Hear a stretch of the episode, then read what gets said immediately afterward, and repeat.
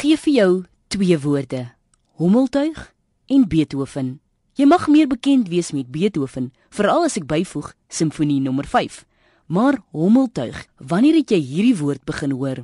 Die woord hommeltuig is 'n nuutskepping in Afrikaans vir die Engelse woord drone. En dan ontstaan die vraag: Hoe sluit hommeltuie by Beethoven se Simfonie nommer 5 aan? When you think about it, future is the only thing that can be created. Everything else is created already. So it is actually a, a driving force. Call it curiosity, call it hope that gets you things done that never have been done before. That was the idea of the transformer. Stel jou voor 100 hommeltuie wat dans op Beethoven se simfonie nommer 5. Hierdie idee het ontstaan waar 'n groep ingenieurs bymekaar gekom het en gevra het, maar waarom nie? 100 hommeltuie. Dit was nog nooit gedoen nie. En hierdie gebeurtenis het Guinness se boek van wêreldrekords gehaal. Die span verduidelik. Coming home.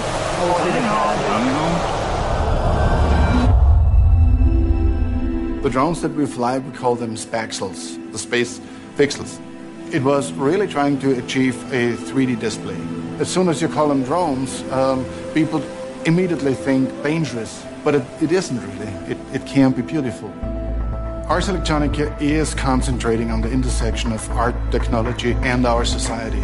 So, really focusing on the future of our society by the means of uh, artistic use of technologies. When Intel came and said, What about doing 100 drones? Oh, you know, nobody did it yet. Nobody even tried it. It was just like, you know, yes, yes, let's go for it.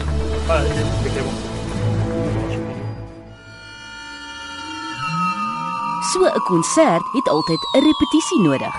En jy kan jouself net indink hoe hierdie hommeltuie geprogrammeer is om op die ritme en maat van Beethoven se simfonie nommer 5 in die lug te dans. Daar's 4 bemanningslede en elkeen beman 25 hommeltuie. Maar kom ons hoor eers hoe die repetisies verloop het.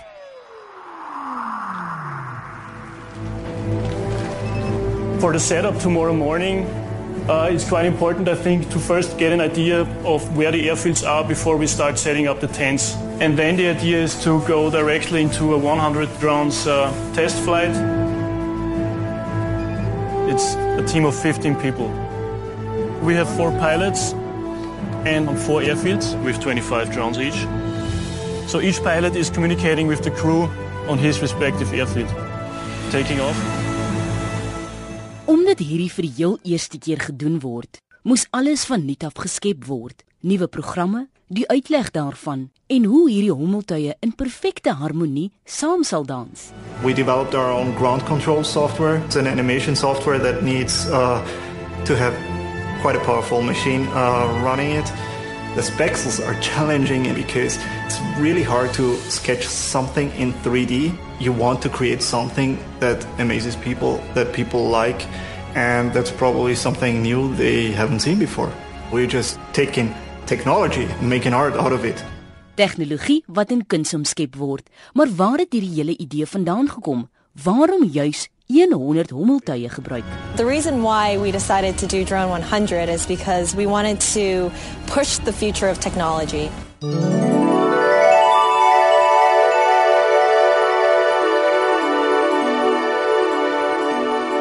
We're working with different aviation entities around the world to understand what the policies are, the rules and regulations, and make sure that drones are safe and we can have light shows like this. I think it's, it's very important to, to show people that it's not always the drones that look at you. Sometimes it's the drones that you should be looking at. En die oomblik waarvoor ons almal nou gewag het, 100 hommeltuie wat saam dans in die lug op Beethoven se simfonie nommer 5. Ek vra slegs vir 'n minuut van jou aandag terwyl die orkes opwarm om te luister na die soetklanke van Beethoven se simfonie nommer 5.